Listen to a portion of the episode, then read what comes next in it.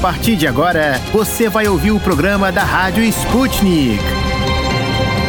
Olá, ouvintes. Eu sou a Francine Augusto e vou apresentar o programa de hoje da Rádio Sputnik junto com a querida Luísa Ramos. Sextou, Luísa. Sextou, Francine. Vamos juntas trazer o que acontece de mais importante no Brasil e no mundo nesta sexta-feira, 24 de fevereiro. O presidente Jair Bolsonaro desautorizou a fala do vice Hamilton Mourão sobre o conflito na Ucrânia. Mourão havia dito que o Brasil não concorda com o que chamou chamou de invasão do território ucraniano e comparou os atos do presidente russo Vladimir Putin aos de Adolf Hitler antes da Segunda Guerra Mundial. Em uma live transmitida nas redes sociais, o presidente brasileiro disse que quem se posiciona sobre esses assuntos é ele e que esse tipo de posicionamento não é de competência do vice-presidente. Bolsonaro destacou ainda que o Brasil quer a paz e que viajou em paz para a Rússia, onde fez um contato que classificou como excepcional com o presidente Vladimir Putin. O Itamaraty também se posicionou em nota sobre o conflito e não criticou diretamente as ações russas sobre a Ucrânia. O órgão disse que o Brasil apela à suspensão imediata das hostilidades e ao início de negociações para uma solução diplomática. Agora, falando sobre eleição, com cinco votos a um pela manutenção do fundo eleitoral, o Supremo Tribunal Federal suspendeu o julgamento sobre o tema que vem causando polêmica junto aos eleitores brasileiros. O governo havia proposto inicialmente a destinação de 2 bilhões e 100 milhões de reais para o fundo, que será utilizado pelos partidos para financiar as campanhas nas eleições deste ano. O Congresso, no entanto, mais que dobrou o valor da verba que foi aprovada e sancionada pelo presidente Jair Bolsonaro em 4 bilhões e 900 milhões de reais. O julgamento da ação que questiona o aumento desse valor, apresentada pelo Partido Novo, deverá voltar à pauta do STF no próximo dia 3. Na cena internacional, o mundo segue acompanhando os desdobramentos do conflito na Ucrânia. Nesta sexta-feira, o porta-voz do Kremlin, Dmitry Peskov, afirmou que a Rússia está pronta para enviar uma delegação de alto escalão a Minsk para negociações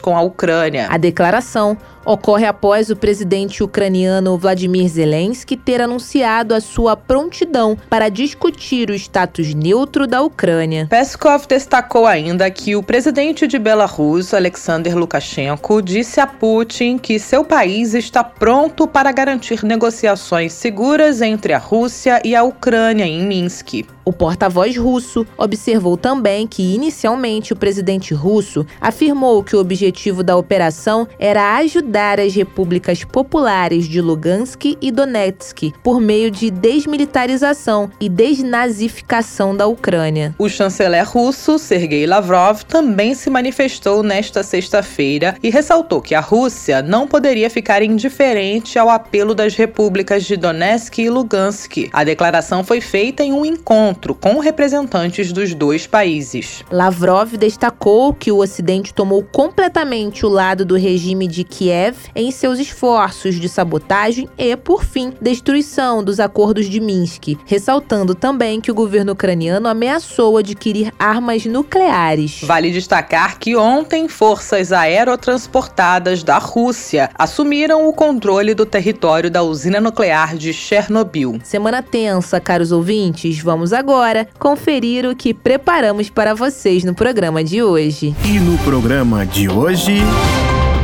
No Destrinchando a Charada Brasil, vamos falar sobre falta de líder governista no Senado. No quadro Esqueceram de Mim em Portugal, o caso de agressão a brasileiros em boate em Lisboa ganha repercussão. No Bombando no YouTube, hackers declaram guerra à Rússia. No Destrinchando a Charada Internacional, vamos comentar as razões e consequências de recente decisão alemã de suspender o certificado que daria aval ao funcionamento do gasoduto Nord Stream 2. No Você Sabia, que é o nosso quadro sobre curiosidades do Brasil, vamos falar sobre a maior procissão católica do mundo que acontece em território brasileiro. O Deu Russo, que é o nosso quadro de histórias mirabolantes, vai contar quanta grana golpistas conseguiram tirar de uma vovozinha russa.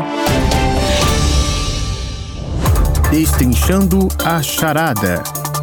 De dentro e fora do Brasil. Política, economia, sociedade e tudo que engloba o maior país da América Latina. As charadas mais complicadas do Brasil são destrinchadas aqui Estimados ouvintes, o tema desse Destrinchando a Charada Brasil desta sexta-feira, 25 de fevereiro, é a dificuldade que o presidente Jair Bolsonaro tem encontrado pela falta de um líder no Senado. É, Lu, a gente vai sim discutir mais um empecilho dentre tantos que Bolsonaro enfrenta. Aliás, o que não faltou para ele foram as oposições desde que assumiu a presidência. A cadeira do líder governista no Senado está vazia desde dezembro dezembro do ano passado, quando o senador Fernando Bezerra, do partido MDB de Pernambuco, entregou o cargo. Verdade, Luísa. A gente fala sobre uma situação que se arrasta há pouco mais de dois meses e que, segundo especialistas, fere e atrapalha a governabilidade de Bolsonaro. Com certeza, sem um representante ali na casa, fica difícil aprovar e passar as propostas do governo. A falta de um porta-voz no Senado se traduziu também em uma lentidão para aprovar as pautas prioritárias do governo. De 45 até agora, só 11 passaram pelo Senado. É muita coisa, Fran. Esse cargo de líder do Senado é uma posição chave, estratégica, porque o político que ocupa essa cadeira atua como porta-voz entre o presidente e os parlamentares. Vale lembrar também que o Senado é presidido por um político opositor de Bolsonaro nas eleições presidenciais de outubro, o senador Rodrigo Pacheco, do PSD. Pois é, Fran, bem lembrado. Essa falta de articulação acontece num período crítico para o presidente. Pode sim arranhar a imagem dele, que tem o objetivo claro de concorrer à reeleição este ano, e pode também enfrentar o atual presidente do Senado em outubro, quando os brasileiros vão às urnas. E para a gente entender entender melhor essa questão tão importante para o nosso país e que pode determinar os rumos do Brasil, Luísa, vamos ouvir um depoimento do professor e cientista político Acácio Miranda da Silva. Ele também é especialista em direito constitucional e penal. Isso mesmo, o professor Acácio traz a opinião dele a respeito da falta de liderança governista em uma casa como o Senado e o porquê dessa dificuldade tão grande de ocupar um cargo de tamanha importância O governo Bolsonaro, desde um primeiro momento, tem dificuldade no trato com os demais poderes, tanto com o poder judiciário, o que já é mais evidente, como também com o poder legislativo. Especificamente no caso do Senado, há algumas peculiaridades. Em primeiro lugar, o Senado sofreu uma grande alteração em 2018, pois foram trocados dois terços dos senadores. A bem da verdade, dois terços terços dos cargos foram postos à votação, alguns reeleitos, mas uma grande maioria não. E, por mais que esta grande renovação tenha se dado a reboque do mesmo movimento político que elegeu Bolsonaro, esses senadores não mostram grande afinidade política e ideológica com ele. Ademais, os cargos de senadores que não foram renovados em 2018, que serão renovados agora em 2022, são, em sua maioria, compostos por grandes caciques políticos, que também não têm alinhamento político ideológico com o governo Bolsonaro. Diante disso, naturalmente, há uma dificuldade no governo em relação ao trato com o Senado. E o fato de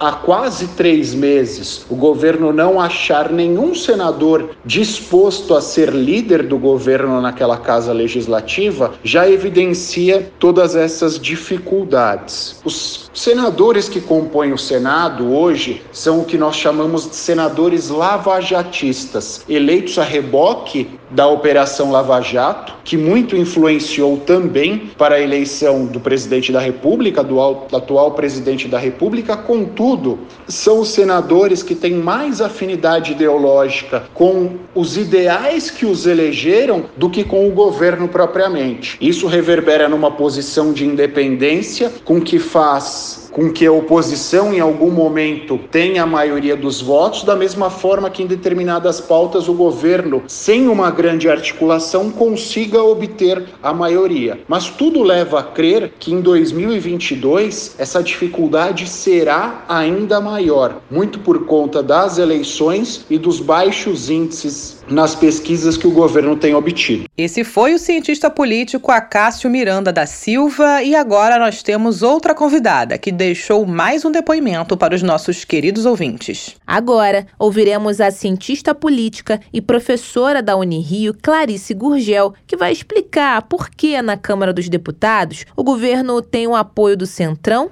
e no Senado a gente vê o governo patinando, os projetos parados. O que será que acontece? Bom, sobre o porquê da governabilidade ser garantida na Câmara e no, no Senado, acho que a gente já tentou dar conta dessa questão, né? E do porquê se manter ocupado também nas vésperas das eleições. E fica aqui a dúvida sobre se isso representa dificuldades concretas do governo e se isso corresponde propriamente a facilidades para a oposição. Não necessariamente, né? A gente tem que entender que o governo Bolsonaro Bolsonaro ele trabalha sempre fora da institucionalidade, né? Ele tem um braço legal e um braço ilegal. O braço legal ele atua muito mais como cena e como semblante do que o braço ilegal. Seria um traço de uma guerra de movimento em que há um choque concreto através desse braço ilegal do governo, que não à toa contou com uma dramaturgia que teve a ida do presidente até a Rússia, né, encontrar o Putin, que está em guerra agora com a Ucrânia, e que é um, uma feição aí de um uso da ação ilegal contra a estabilidade, não propriamente contra o capital, mas contra a estabilidade das forças. E aí o Bolsonaro ele compõe bem aí esse braço que é um braço de uso de recursos da ilegalidade para a conquista de poder. Então, acho que não, não, não, necessariamente isso significa uma perda, mas acho que precisa ser tomada como oportunidade para que se represente uma perda efetiva, porque a institucionalidade no Brasil ela ainda pode reverter esses braços ilegais que podem até soar como uma reação ao capital, mas que nada mais é do que uma disputa de ocupação de espaço entre forças que são de extrema ou de direita. E tem ainda outra questão, Francine, talvez a mais significativa de todas, que é a reeleição. 2022, ano eleitoral, não dá para não levar isso em conta. Às vésperas de uma eleição, Faltam apenas oito meses, o governo Bolsonaro perde forças em um cenário cada vez mais desfavorável para o presidente, que nesses quatro anos se envolveu em muitas polêmicas. É, Fran, vamos então ouvir mais um especialista para ajudar a gente a entender o que se passa em Brasília. Dessa vez é o professor, historiador e especialista da Universidade Federal Fluminense, a UF, Vitor Leandro Chaves Gomes.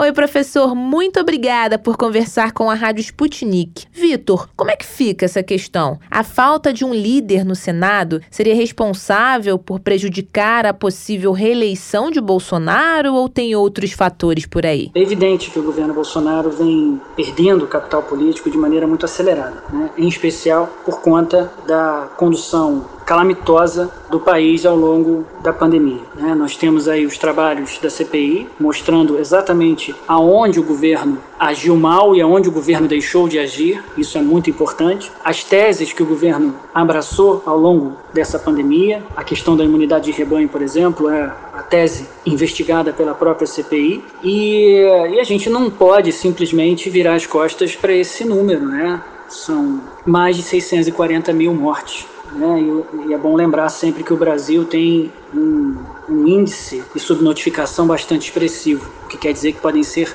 ainda pode ser ainda maior o número de mortes. Então, negligenciar o impacto disso numa trajetória de um governo né, ou de um presidente que almeja a reeleição, óbvio que isso não pode ser ignorado. Agora, isso é preponderante para que o governo acumule dificuldades ao longo do processo? Esse é um elemento muito importante, né? mas a, a condução da política econômica, né, o crescimento pífio, o Brasil retornando ao mapa da fome, as dificuldades de sensibilidade da parte do governo, a falta de empatia, compreensão, desespero, número gigantesco de desempregados. Então, esses elementos eles são muito importantes para um eleitorado que não é fanatizado. Professor, essa incapacidade do governo Bolsonaro de se articular, de costurar alianças, pode ser um empecilho à reeleição? Muito bom lembrar que a eleição não se vence de véspera. A eleição vai acontecer em outubro. Então, é, o enfraquecimento do governo dá elementos para a oposição? É claro que dá. Agora, a oposição também precisa saber entender esse jogo, entender que a eleição não está resolvida a despeito dos índices favoráveis nas últimas pesquisas de intenção de voto, entender que esse fenômeno conhecido como bolsonarismo, já está praticamente fora da disputa, eu reputo como um erro estratégico gravíssimo. É muito cedo para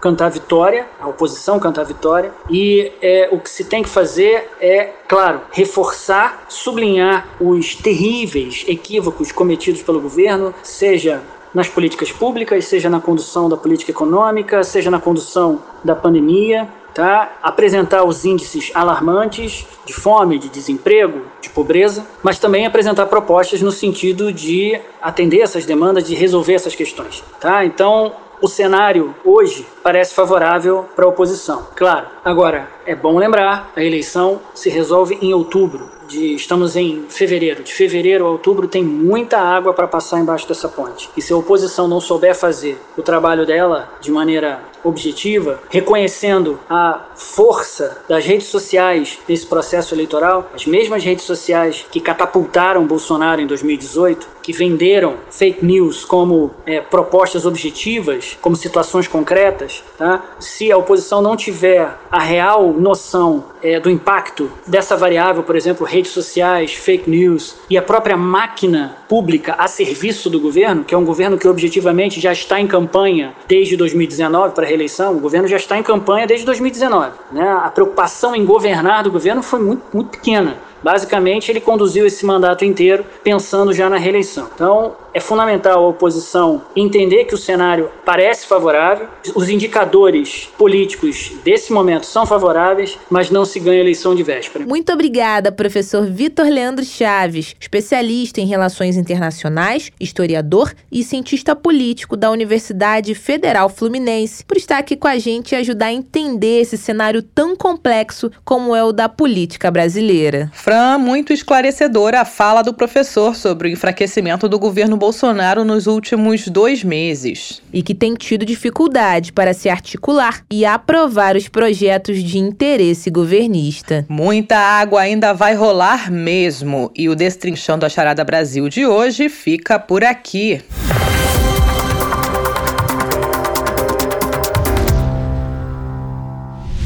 Esqueceram de mim em Portugal.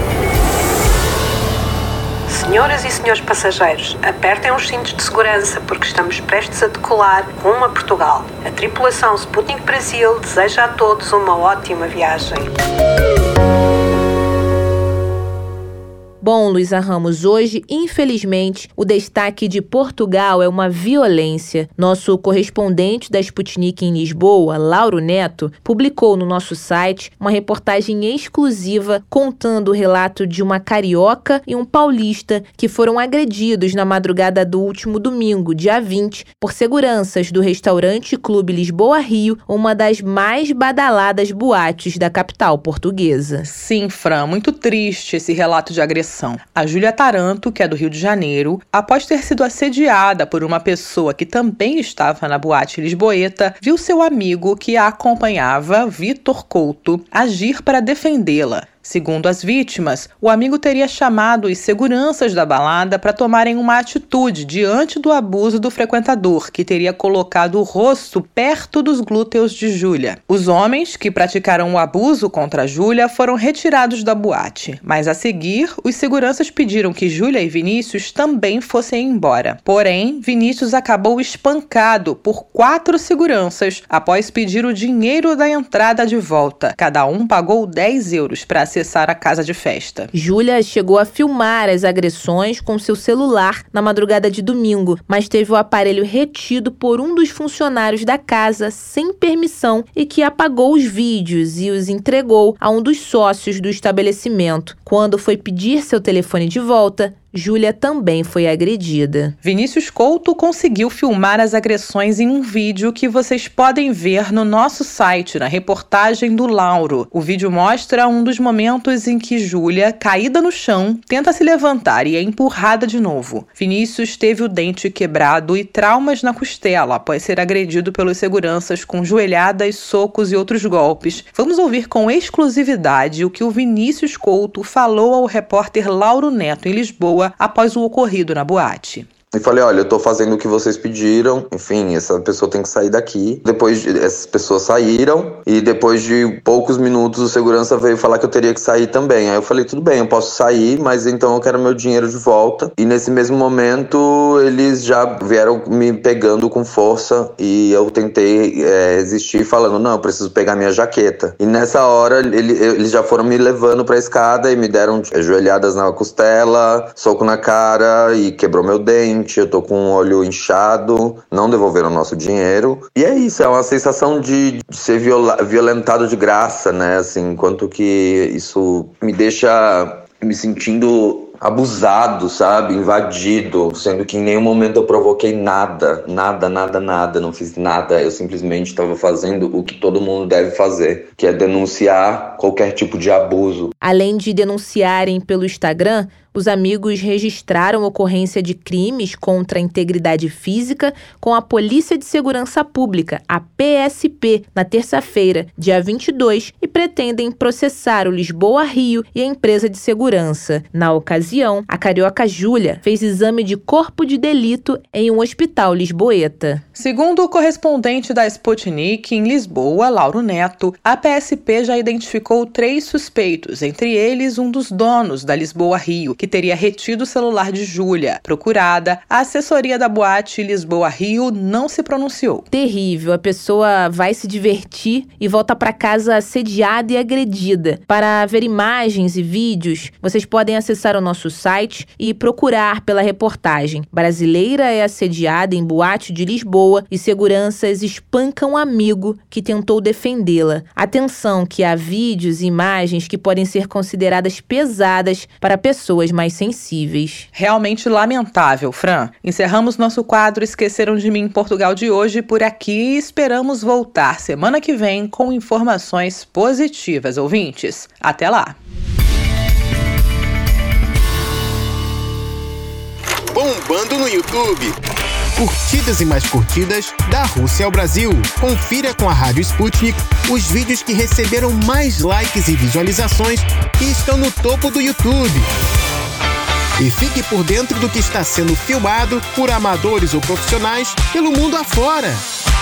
Luísa, sabe aquele momento do programa super aguardado? Ele chegou. Saberemos agora tudo a respeito dos cinco vídeos mais curtidos e visualizados no YouTube, queridos ouvintes. Ah, então eu já sei quem será o responsável por essa missão. O nosso especialista Tito da Silva. Tito, conta pra gente as novidades do YouTube diretamente da redação da Sputnik Brasil em Moscou. Conta pra gente, Tito. Olá, queridos amigos da Rádio Sputnik. Eu sou Tito da Silva e estes são os vídeos que estão bombando no YouTube nesta sexta-feira, 25 5 de fevereiro. No primeiro vídeo de hoje, o grupo hacker Anonymous declarou guerra contra a Rússia no contexto da operação militar do gigante euroasiático na Ucrânia. O grupo lançou ataques contra sites do governo russo, inclusive do Kremlin e da Duma, além de atacar sites da agência de notícias RT. Para saber mais detalhes, é só digitar. Grupo hacker Anonymous declara guerra cibernética contra a Rússia por operação militar na Ucrânia. No segundo vídeo de hoje, enquanto a Rússia afirma ter desativado a defesa antiaérea ucraniana logo nas primeiras horas da operação militar que se iniciou na quinta-feira, 24 de fevereiro, o evento parece ter entrado em contradição com a opinião tanto de especialistas ucranianos quanto ocidentais que acreditavam na capacidade de defesa antiaérea do país, mesmo em um conflito com a Rússia. Mas o que deu errado na defesa antiaérea ucraniana? Bom, para saber as possíveis razões da falha da defesa antiaérea, assista ao vídeo digitando Poderio da defesa antiaérea ucraniana era só mito? E no terceiro vídeo de hoje, o presidente ucraniano Vladimir Zelensky fez um anúncio pedindo para que seu homólogo russo, Vladimir Putin, venha iniciar negociações com ele para resolver o conflito na Ucrânia. A fala de Zelensky foi feita enquanto o avanço das tropas russas na Ucrânia se torna cada vez mais notável, com tropas aerotransportadas se aproximando de Kiev.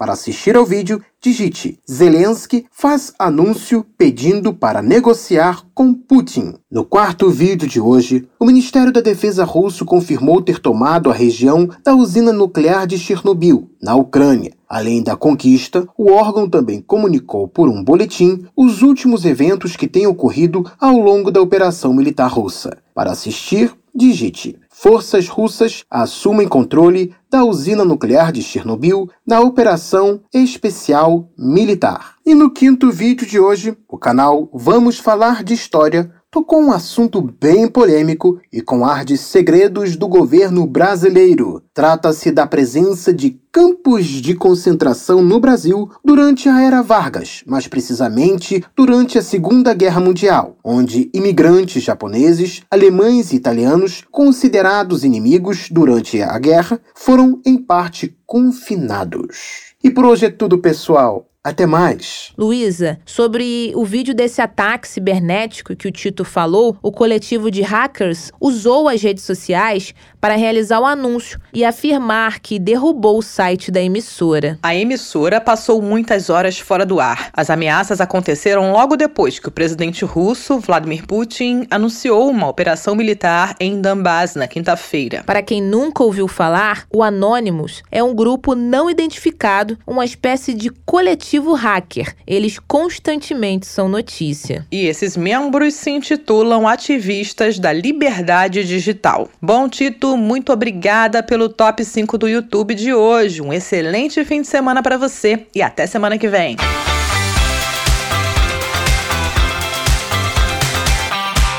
Destrinchando a charada. Encruzilhada Internacional relações políticas, socioeconômicas e muito mais entre as nações deste mundão. Da Rússia aos Estados Unidos. Encontre com a gente as respostas às perguntas do momento. Caros ouvintes, nesta terça-feira, dia 22, Berlim resolveu suspender o processo de certificação do gasoduto Nord Stream 2, que estava pronto desde o final de 2021 e prestes a funcionar. O ato alemão aconteceu logo depois que Moscou reconheceu as repúblicas populares de Donetsk e Lugansk na segunda-feira, dia 21. O Corrente do Norte 2, na tradução para o português, estava projetado para ser construído em 2011 e começar começar a funcionar no final de 2012. No entanto, em meio às ameaças de sanções norte-americanas e às tensões geopolíticas, só saiu do papel 10 anos depois. Sendo assim, o gasoduto que liga a Alemanha à Rússia e tem uma capacidade para transportar 55 milhões de metros cúbicos de gás anualmente, só começou a ser erguido em maio de 2018 e foi concluído, como a Luísa falou no ano passado. Em 2020, 45% do gás natural importado pela União Europeia era exportado pela Rússia, segundo o Diário de Notícias. E o projeto Nord Stream 2 duplicaria a capacidade de exportação russa de gás para a Alemanha. Assim, o Corrente do Norte 2 poderia transformar Berlim em centro de distribuição de gás ao conjunto europeu, mas o objetivo caiu por terra com a paralisação da certificação. Mesmo com a suspensão, neste momento a Alemanha se vê diante de um grande dilema, uma vez que tanto Berlim como muitos países da União Europeia dependem em larga escala do gás russo. Será que Berlim pode voltar atrás dessa decisão? Essa e outras questões é o que queremos responder. Para isso, convidamos o Jonuel Gonçalves, pesquisador em economia internacional da Universidade Federal Fluminense, a UF. Seja bem-vindo ao programa, professor. Obrigada pela presença, Jonuel Gonçalves. Bom, considerando a decisão da Alemanha na última terça-feira, quais são as consequências iniciais e imediatas dessa suspensão do Nord Stream 2, mesmo antes de começar a funcionar? Quais países serão mais afetados, professor? Bom, o Nord Stream 2 foi, foi suspensa a certificação O Nord Stream 2 nunca funcionou, tem funcionado é o Nord Stream 1. Esse continua funcionando entre o norte da Rússia e o litoral alemão. O Nord Stream 2 ele duplicaria a capacidade de exportação russa de gás para a Alemanha e a Alemanha funcionaria como uma hub, um centro de distribuição para o conjunto europeu. Ora, o adiamento do, do, início das operações do Nord Stream 2, naturalmente que corta vários, vários níveis a capacidade de exportação russa e essa capacidade de distribuição alemã. Em segundo lugar, o Nord Stream 2 custou 10 bilhões de euros, em parte, maior parte, pela Gazprom da Rússia, mas também com parceiros ocidentais. E eles esperavam retornos já esse ano, provavelmente não terão. Então, são prejuízos esses dois níveis. Em primeiro lugar, o fluxo de gás vai ser muito menor do que estava prevendo, e, em segundo lugar, a recuperação do capital investido vai realmente demorar bastante mais tempo. São os dois efeitos imediatos. Podemos dizer que a decisão alemã de suspender a certificação do gasoduto teve como estopim a intensificação das tensões na crise da Ucrânia, antes mesmo do conflito começar efetivamente? Não, penso que não. Quer dizer, eh, é claro que a Alemanha, atrasando a certificação, naturalmente que procura sancionar a Rússia e interpreta como sanção. Mas a ligação entre os dois é realmente tão, tão, tão estreita, quer dizer, nem o fornecedor, que é a Rússia, pode dispensar os clientes europeus, nem o cliente europeu no imediato pode dispensar o fornecedor russo, sobretudo por muito tempo. Se for por pouco tempo, os dois lados podem suportar. Portanto, a resposta à sua pergunta é: isto pode ter relação se durar muito tempo o conflito.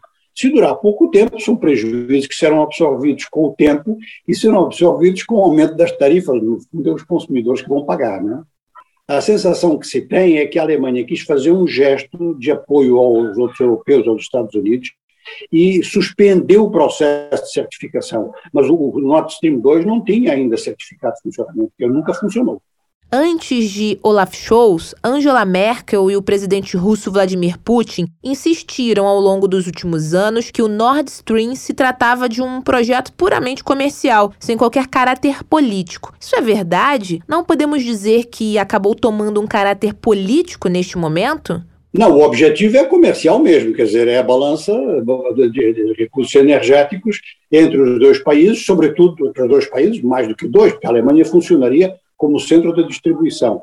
E isso ganhou um impacto ainda maior com a redução obrigatória, em função dos acordos mundiais, do consumo de carvão. Portanto, o consumo de gás tende, tende a aumentar. Agora, veja bem, um, um, um, contrato comercial, um projeto comercial desta dimensão, mesmo que tenha objetivos de lucro, objetivos empresariais, aí tem sempre implicações políticas, é sempre um instrumento de pressão. Eu não sei quem está com mais força neste tipo de pressão, quer dizer, vamos ver quem segura mais tempo. Nós podemos dizer, por exemplo, que a Europa pode, a médio prazo, a médio prazo, ela pode substituir o gás russo, pode substituir com importações via marítima, em, em navios especiais, pode substituir com uma eventual reativação do gasoduto da Argélia e do Marrocos para a Espanha e a extensão desse gasoduto através da França até a Alemanha. Mas isso demora anos para fazer. A questão se coloca em termos imediatos, quer dizer, a Europa, o mundo em geral, está saindo de uma crise provocada pela pandemia está entrando numa outra. O senhor pode falar mais sobre as alternativas energéticas do bloco europeu? Como Argélia e Líbia entram no contexto? Portanto, a Líbia é um pouquinho mais complicado porque a Líbia está em conflito, mas os terminais petrolíferos e de gás da Líbia estão controlados pela National Oil Company da Líbia.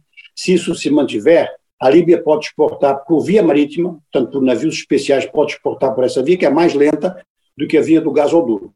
Agora, a Argélia tem um gasoduto que liga com a Europa, liga com a Espanha. É um gasoduto que vai através de Marrocos, atravessa 27 quilômetros por baixo do Mediterrâneo e termina em Córdoba, na Espanha, de onde vai para Portugal. Só que a Argélia e Marrocos estão em situação de conflito, relações cortadas, o, o, o gasoduto foi cortado também. Então ele não funciona. Neste momento, o grande abastecedor da Espanha e de Portugal é a Nigéria. Um pouco Estados Unidos, que este ano deve se afirmar como o maior produtor mundial de gás liquefeito, e também, por exemplo, Trinidad e Tobago, no Caribe, que é um grande produtor, e tudo isso é feito, então, por via mais custosa, mais lenta, que é por navios, mas, por exemplo, só para a Península Ibérica, é uma movimentação de 147 navios de, de, de, de combustível, de, de, gás, perdão. O mesmo movimento está se processando, aliás, do outro lado do Atlântico Sul, que é dos Estados Unidos e do Caribe, em relação ao Brasil. O Brasil é produtor de gás natural, mas tem déficit, não chega. Então é essa a situação. No caso concreto da Líbia e da Argélia, neste momento, a possibilidade de abastecimento a partir desses dois países para a Europa Central é exclusivamente através de navios, que levam, portanto, tem uma capacidade muito, muito inferior ao transporte por gasoduto. Países da Península Ibérica, Espanha e Portugal devem ser os menos afetados, professor? Quais serão os países que podem sentir mais os efeitos da não liberação do Nord Stream 2? A Espanha e Portugal, de longe, os menos afetados. Há outros, há outros países que estão na União Europeia que são de menor dimensão ainda, que é Chipre e Malta, que não serão nada afetados. Agora, o que, além da Alemanha, no fundo é a Europa Central, né? A Alemanha muito afetada, a Hungria muito afetada, e, de certa forma, eh, vamos ver como é que as coisas ficam, porque a Itália tem grandes acordos com, com os Nord Streams, por forma de via indireta. O Nord Stream 1 da, da Alemanha é importante para a Itália. O norte da Itália, sobretudo, o norte da Itália é industrial. Eu diria que a Alemanha pode ser muito afetada, a Hungria muito afetada e o norte da Itália, portanto, afetando o conjunto industrial. A França, de forma marginal, na sua zona de fronteira, Alsácia, por aí também recebe combustível alemão. O fato é que, afetando a economia alemã, você atinge o conjunto da União Europeia, porque é o carro-chefe. Aí não, não, tem, não tem dúvida. Eu penso que a economia da Rússia também pode ser afetada se demorar muito tempo. Ou seja, a Rússia não consegue substituir o cliente europeu. A Rússia vende 175 bi de metros cúbicos para a Europa, 175, e vende 13 para a China. Portanto, é difícil substituir mercados, tanto do ponto de vista, como dissemos há pouco, do ponto de vista da Europa, da Europa da União Europeia, como do ponto de vista do fornecedor da Rússia. E nós estamos sentindo isso hoje no mercado de capitais e no, e no mercado de câmbios. Estamos sentindo, está afetando tanto as moedas, tanto o euro, quanto o rublo, tanto os índices da Bolsa de Londres, Paris e Frankfurt, quanto a Bolsa de Moscou. Para os Estados Unidos e países europeus que estão agora contra o projeto, o gasoduto vai aumentar de forma duradoura a dependência energética europeia em relação à Rússia. E para a Rússia, vai fazer diferença para a sua economia não ter essa exportação? Eu creio que sim, faz muita diferença, né? Uma economia como a economia russa é uma economia que depende bastante do, do, do, gás, embora eh, tenha outros recursos, tenha uma certa diversificação, mas um corte, uma redução, por exemplo, de 50% ou de 40% que seja nas exportações de gás afeta profundamente a economia da Rússia, sobretudo se o fundo de reservas russo, que é muito importante, que é o quarto ou quinto do mundo, que é muito importante, for utilizado para defender o rublo. Aí há uma erosão do fundo de reserva fundo de divisas, é uma erosão que vai muito rápido. Outros países que fizeram isso sofreram bastante. Ou seja, o fundo de reserva tem que ser sempre alimentado. Quem alimenta basicamente o fundo de reserva é a exportação de recursos energéticos por parte da Rússia. Ora, como o gás e os recursos energéticos da Rússia são fundamentais para realimentar o fundo de reserva, é claro que isso afeta muito a economia da Rússia. Ou seja, você utilizar um fundo de reserva, mesmo importante durante muito tempo, a erosão é muito rápida. Em outros casos, foi devastadora em alguns países. Então, a Rússia é para a Rússia é importante manter a exportação de gás. Mas para a Europa também, para o seu funcionamento, para a sua recuperação econômica também. A questão aqui, na guerra econômica, é como sempre. Quem é que vai resistir mais tempo nesse braço de ferro. Essa é a questão que se coloca neste Afinal, momento. o senhor acha que o chanceler alemão Olaf Scholz pode sofrer consequências ou pressões por parte de outros países europeus para voltar atrás na decisão nos próximos dias? Olha, eu creio que não. Eu creio que vai acontecer mesmo o contrário. Mesmo que ele tenha vontade de reabrir o Nord Stream 2, ele não vai conseguir por pressão dos outros. A pressão dos outros, a primeira norte-americana, depois dos países do Báltico, que fazem muita pressão, os países do Báltico até se opuseram a construção do próprio Nord Stream 2. E é claro que pode ter pressão por parte da Hungria, acredito que sim, mas não será assim muito, muito relevante. Você, a partir do momento em que numa crise dessas você toma uma posição, o recuo implica alguma contrapartida. Então, ou a situação se modifica na Ucrânia, então há a liberação do Nord Stream 2, ou não há e o Nord Stream 2 vai ficar parado muito tempo. Nós assistimos a situações dessas em pontos vitais do mundo, como o canal do Suez, fechado durante 10 anos. O senhor pode falar um pouco sobre a sua pesquisa feita em parceria entre o Núcleo de Estudos Avançados da UF e o Instituto Universitário de Lisboa, de como a região Atlântico Sul pode entrar na cena internacional atual com relação ao gás e petróleo? É uma pesquisa que é a segunda parte, a primeira parte já foi concluída, já saiu um livro e tudo, que se chama Economia e Poder no Atlântico Sul, analisando, portanto, as economias do Brasil, da Argentina, de Angola e da África do Sul. Tanto aqui no Atlântico Sul. Relação entre elas primeiro, na, primeira fase e agora a relação dessas quatro com o mundo. Agora é que nós entramos nesse, nesse, nesse confronto. Ora, é, com esta crise da, da, da Ucrânia, a pesquisa começa a, a, ter necessidade de se produzirem textos, quando eu digo texto, é tanto escrito quanto verbal, de serem produzidos textos no imediato para a aula, para os alunos ou para os colegas pesquisadores, porque há uma série de questões de atualidade que estão dentro da pesquisa, que não se pode esperar os dois anos para publicar no final. O que, que é? É que esta região é muito produtora de petróleo e de, muito produtora de petróleo e de gás, é, sobretudo Brasil e Nigéria, mas ao mesmo tempo é um ponto de passagem fundamental para grandes tankers, tanto de gás quanto de petróleo. Então, esse problema, a crise no leste europeu, está a levantar aqui, a aumentar a importância econômica aqui do, do Atlântico Sul.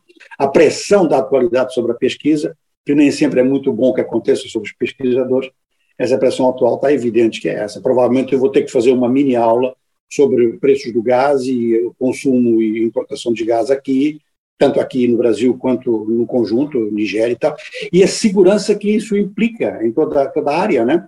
Portanto, é uma região que do lado africano é atingida por pirataria, e em terra, do lado africano, existe uma espécie de confronto entre a Rússia e a França na assistência militar a diversos países africanos.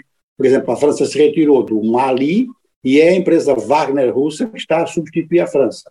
Na República Centro-Africana, a mesma coisa. A França, colocada em segundo plano pelo governo local, que fez um contrato com a empresa Wagner de segurança também. Portanto, isso pode se multiplicar ou não, mas o fato é que esta via marítima ela ganhou uma importância enorme pela produção de energia nas margens e pelo fato de ser grande zona de passagem. Né? Muito interessante. Então, isso significa que poderemos ouvir falar daqui a alguns anos sobre o Brasil exportando gás para a Europa? Pode, pode. Portanto, há pouco tempo decorreu um, um seminário no BNDES em que foi levantada a hipótese do Brasil duplicar a produção de gás liquefeito. Essa produção, quer dizer, há muita pesquisa, há alguns campos em atividade, o Brasil produz mais ou menos 135 milhões de metros cúbicos dia de gás e consome 145. Portanto, há um déficit de 10 milhões de metros cúbicos por dia. É bastante, hein? É bastante. Mas se duplicar, o Brasil pode não só abastecer o seu mercado interno, como pode exportar. A noção de exportação, Luísa, é, depende de uma coisa: qual vai ser o grau de crescimento da economia do Brasil. Se crescer muito, vai ser necessário mais gás. Com esta seca, neste momento no Brasil, para produzir energia elétrica, o Brasil está recorrendo muito ao gás, gás da Bolívia, por exemplo, gás dos Estados Unidos, para acionar as centrais térmicas. E realmente, na base da água, do hidroelétrico baixou bastante. Excelente notícia. Agradecemos muito pela sua entrevista hoje, professor Januel Gonçalves, pesquisador em Economia Internacional na UF. O texto completo também já está disponível no nosso site, ouvintes. É o br.sputniknews.com. As palavras-chave são Alemanha, gasoduto e Europa. Temos uma enquete por lá, caros ouvintes. Você acha que a Alemanha vai voltar ao processo de certificação do Nord Stream 2 em breve? Corram lá no site para responder e deixar sua opinião. Nossa última entrevista da semana fica por aqui, pessoal. Até semana que vem com mais assuntos internacionais.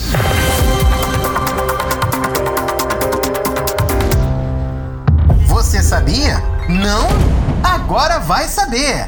Num país gigante como o Brasil, sempre há mistérios ou peculiaridades históricas que merecem ser desvendados. Vem com a gente descobrir!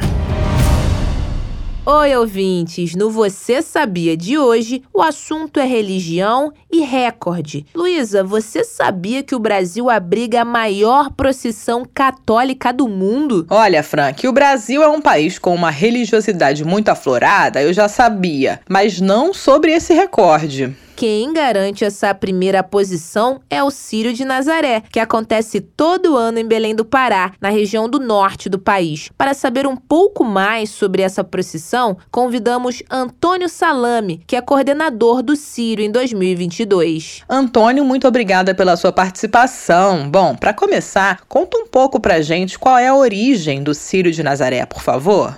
A origem do Círio de Nazaré data de setembro de 1793, quando ocorreu a primeira procissão. Ela foi organizada por então governador Dr. Coutinho, que teve uma grande enfermidade e estava prestes a organizar uma grande feira com produtos naturais da Amazônia. E teve uma contaminação provavelmente de varíola e ao ficar curado, ele pagou a promessa de fazer uma procissão do palácio do governo, que ficava no centro da cidade, até onde ficava o achado da imagem de Nossa Senhora de Nazaré, num sítio ao longo da estrada que levava ao Maranhão. Há de se salientar que a devoção a Nossa Senhora de Nazaré, ela se deu quando nativo denominado Plácido encontrou a imagem às margens de um igarapé dentro de uma mata nos arredores de Belém. Ele levou essa imagem para sua casa, fez um pequeno altar, mas ao acordar ela não se encontrava mais lá. Retornou ao local do achado, às margens do igarapé, e lá estava a imagem novamente. Isso se deu por uns três dias. Então foi quando Plácido entendeu que a imagem gostaria de ficar no local do achado. E ali ele ergueu uma pequena ermida, uma pequena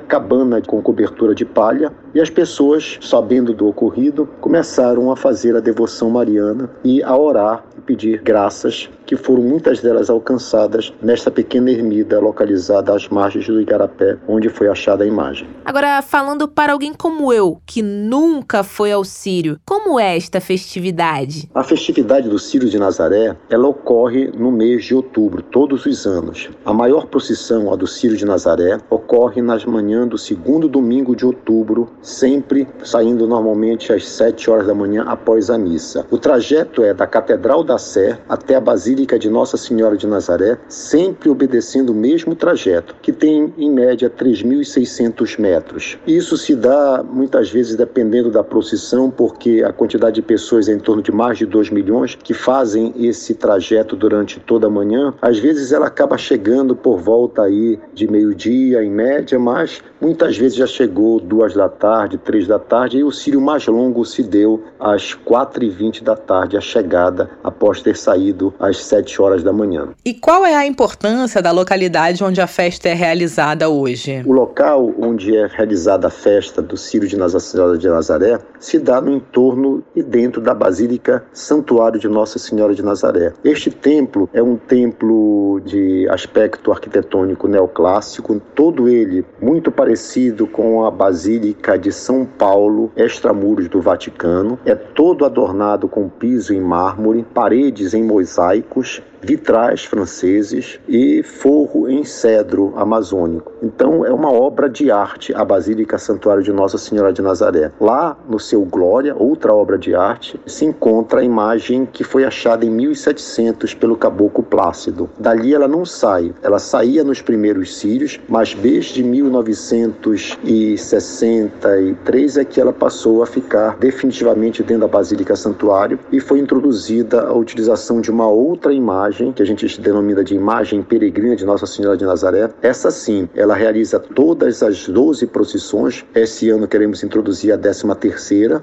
e mora lá dentro, ao lado da sacristia, porque a imagem do achado, a imagem original que a gente chama, fica sempre no alto do Glória, atrás do altar da Basílica Santuário de Nazaré. A procissão do Sírio é muito antiga. Como e quando foi o primeiro Sírio, Antônio? Já existiam festividades similares no Brasil ou pelo mundo? O primeiro Círio ele ocorreu em setembro de 1793. Portanto, este ano nós realizaremos o duzentésimo trigésimo Círio de Nossa Senhora de Nazaré. Já existe esse tipo de procissão em outros lugares do Brasil e do mundo? Sim, com certeza. Aqui na Amazônia foi trazida essa devoção pelos padres jesuítas, né? Já acontecia algo parecido na cidade de Nazaré, em Portugal. E o nome Sírio se dá pela utilização de velas de grande porte, denominadas de sírio, que eram utilizadas visto que a primeira procissão ela acontecia durante a noite, porque era muito quente aqui em Belém para realizá-la durante as manhãs.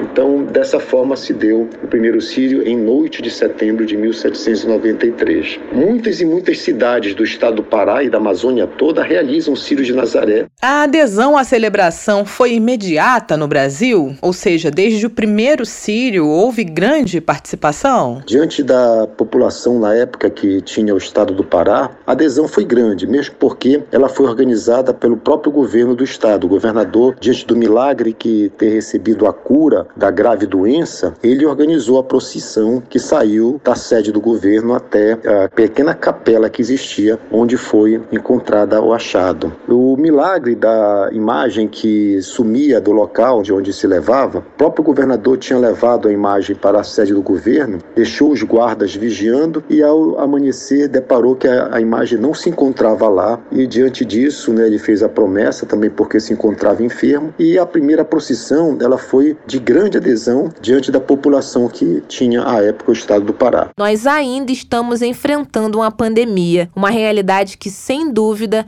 afetou a procissão.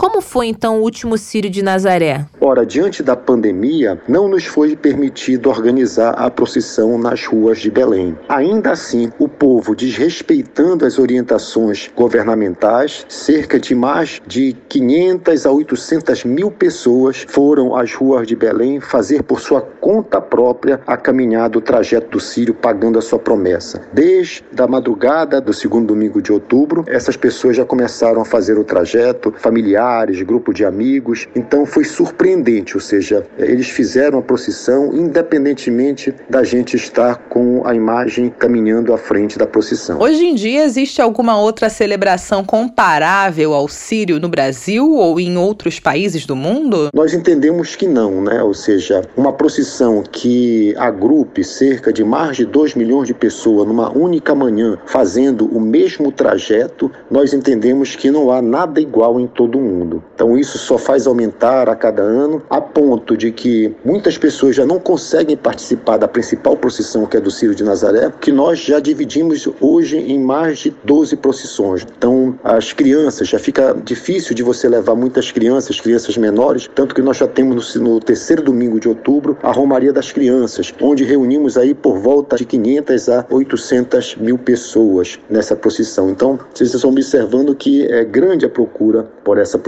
não entendemos que não existe nada igual em todo o mundo. Para finalizarmos, por que, na sua opinião, o Círio de Nazaré é a maior procissão católica do mundo? Nós não temos conhecimento de pessoas se agruparem em torno de mais de 2 milhões fazendo um único trajeto num único dia. Então nós temos, por exemplo, em Meca, né, a visitação da cidade santa lá de Meca, mas eles não percorrem um trajeto né, numa procissão. Então eles fazem a visitação. Na Índia, a mesma coisa. É a visitação visitação também ao Santuário de Nossa Senhora Aparecida no Brasil, ela se dá ao longo do ano todo, né? Vários e vários pequenos grupos. O maior no dia 12 de outubro, que é o dia de Nossa Senhora Aparecida, o volume de pessoas que fazem a visitação ao santuário não chega nem perto a esse volume que nós acolhemos no segundo domingo de outubro aqui na cidade de Belém. Realmente, que celebração fascinante. E Antônio Salame, muito obrigada pela sua participação. O Você Sabia de hoje, ouvintes, fica por por aqui. Até a próxima!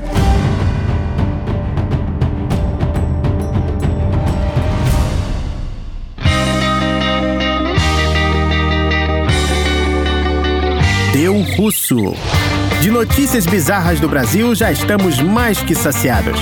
E as bizarrices que acontecem na Rússia, hein? É outro nível, rapaziada. Ih, deu russo! Caros ouvintes, golpistas realizaram uma façanha mirabolante no mundo da pilantragem. E o golpe de hoje aconteceu com uma vovó da Rússia. Eita, golpistas tinham logo que mexer com vovós. Quem gosta de passar gente para trás sempre acaba escolhendo os mais fracos. Então se liguem aí, caros ouvintes, nessa história para que nenhum conhecido de vocês caia em um golpe desses. O dia 23 de dezembro de 2021 nunca mais vai sair da cabeça da vovó russa Irina. Quando ela menos esperava, o celular tocou. Ao atender, vovó Irina, que não perde uma ligação, foi bombardeada por uma notícia deplorável. Acusaram que na conta bancária dela foram percebidas umas movimentações um tanto estranhas que acabaram chamando a atenção das autoridades. Os golpistas explicaram para a vovó Irina que a única maneira de fechar o processo contra ela seria pagando uma quantia. Irina já levantou a sobrancelha, pensou ser golpe e pediu provas. Para essa vovó russa, se nada fosse enviado pelas autoridades, então ela não teria com o que se preocupar. Mas muito rapidamente, os golpistas enviaram no WhatsApp da vovó o que seriam documentos emitidos pelo Comitê de Investigação e pelo Banco Central da Rússia que comprovariam toda a história. Daí o mundo de vovó Irina caiu, caros ouvintes. Na mesma hora, essa russa já concordou em enviar a quantia para os golpistas, que na cabeça dela eram autoridades russas. A vovozinha caiu na pilantragem. Para a festa dos golpistas, os malandros começaram a pedir mais e mais dinheiro. Começaram com 10 milhões de rublos, ou seja, quase 680 mil reais. Irina saiu correndo de banco em banco para conseguir a grana, até que um dos bancos aprovou o empréstimo para ela. E na cabeça de Irina, depois que o dinheiro estivesse com as autoridades, a situação dela voltaria ao normal. Mas essa vovozinha estava muito enganada. Nem mesmo os 10 milhões de rublos saciaram a sede dos golpistas, que ligaram de novo para a vovó Irina e pediram mais dinheiro. Agora, 7 milhões e meio de rublos, que corresponderiam a mais de 500 reais. Haja grana! A vovó, toda preocupada, pegou mais um empréstimo. A vontade dela era só acabar com essa história, ouvintes. Coitada. E ainda a cereja do bolo. Os golpistas pressionaram tanto a vovó Irina que ela acabou dando um milhão e meio de rublos que vinha guardando em uma poupança. E no fim das contas, os golpistas conseguiram sugar dessa vovó russa nada mais, nada menos que 19 milhões de rublos, um pouco menos do que o prêmio do BBB ouvintes, 1 milhão e 300 mil reais. A quantia é tão alta que está sendo considerada por muitos russos como o caso de recorde de pilantragem onde uma só pessoa é passada para trás. Ai, que sacanagem, viu? As ligações começaram no dia 23 de dezembro e só depois de três dias a vovó Irina ficou sabendo que se tratava de um golpe. O golpe recordista acabou vindo à tona só agora e pelo que o nosso amigo repórter em Moscou Moscou, Pablo Rodrigues contou, está todo mundo morrendo de dozinha da vovó Irina, que deve ter tido o pior Réveillon de sua vida de 2021 para 2022. Força, vovó Irina!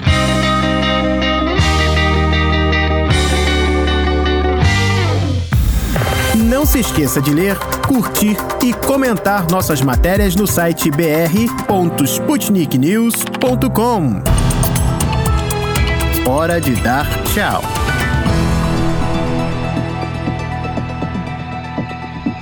Ouvintes, o programa desta sexta-feira, dia 25 de fevereiro, ah, chegou ao fim. É, Fran, a semana acabou, mas tenho certeza que os nossos ouvintes vão continuar ligados em nossa programação. Para isso, basta dar uma passadinha no site da Sputnik Brasil, br.sputniknews.com para conferir as notícias do momento. Lembrando que temos também nossos canais da Sputnik no Brasil, no YouTube e no Telegram. Imperdível! Lá nossos ouvintes encontram os vídeos dos assuntos mais importantes do momento, tanto no Brasil como no resto do mundo. Fiquem ligados também nas informações sempre atualizadas no Twitter e no Facebook. E atenção, ouvintes! A obra Cinco Miniaturas Secretas do compositor mineiro Harry Crown foi publicada nesta sexta sexta-feira, dia 25 de fevereiro, no canal do Zenon Instituto Cultural no YouTube. Para conferir a composição na íntegra, é só entrar lá, ouvintes. Fiquem com um trechinho dessa linda composição que trazemos com exclusividade. Bom,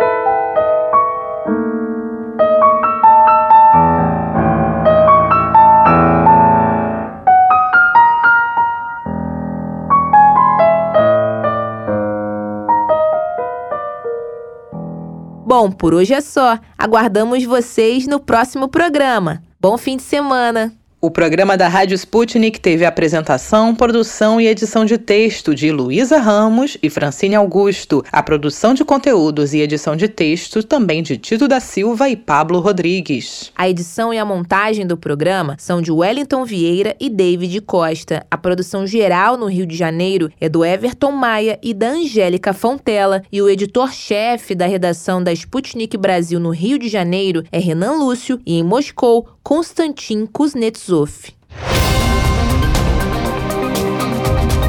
Você acabou de ouvir mais um programa da Rádio Sputnik.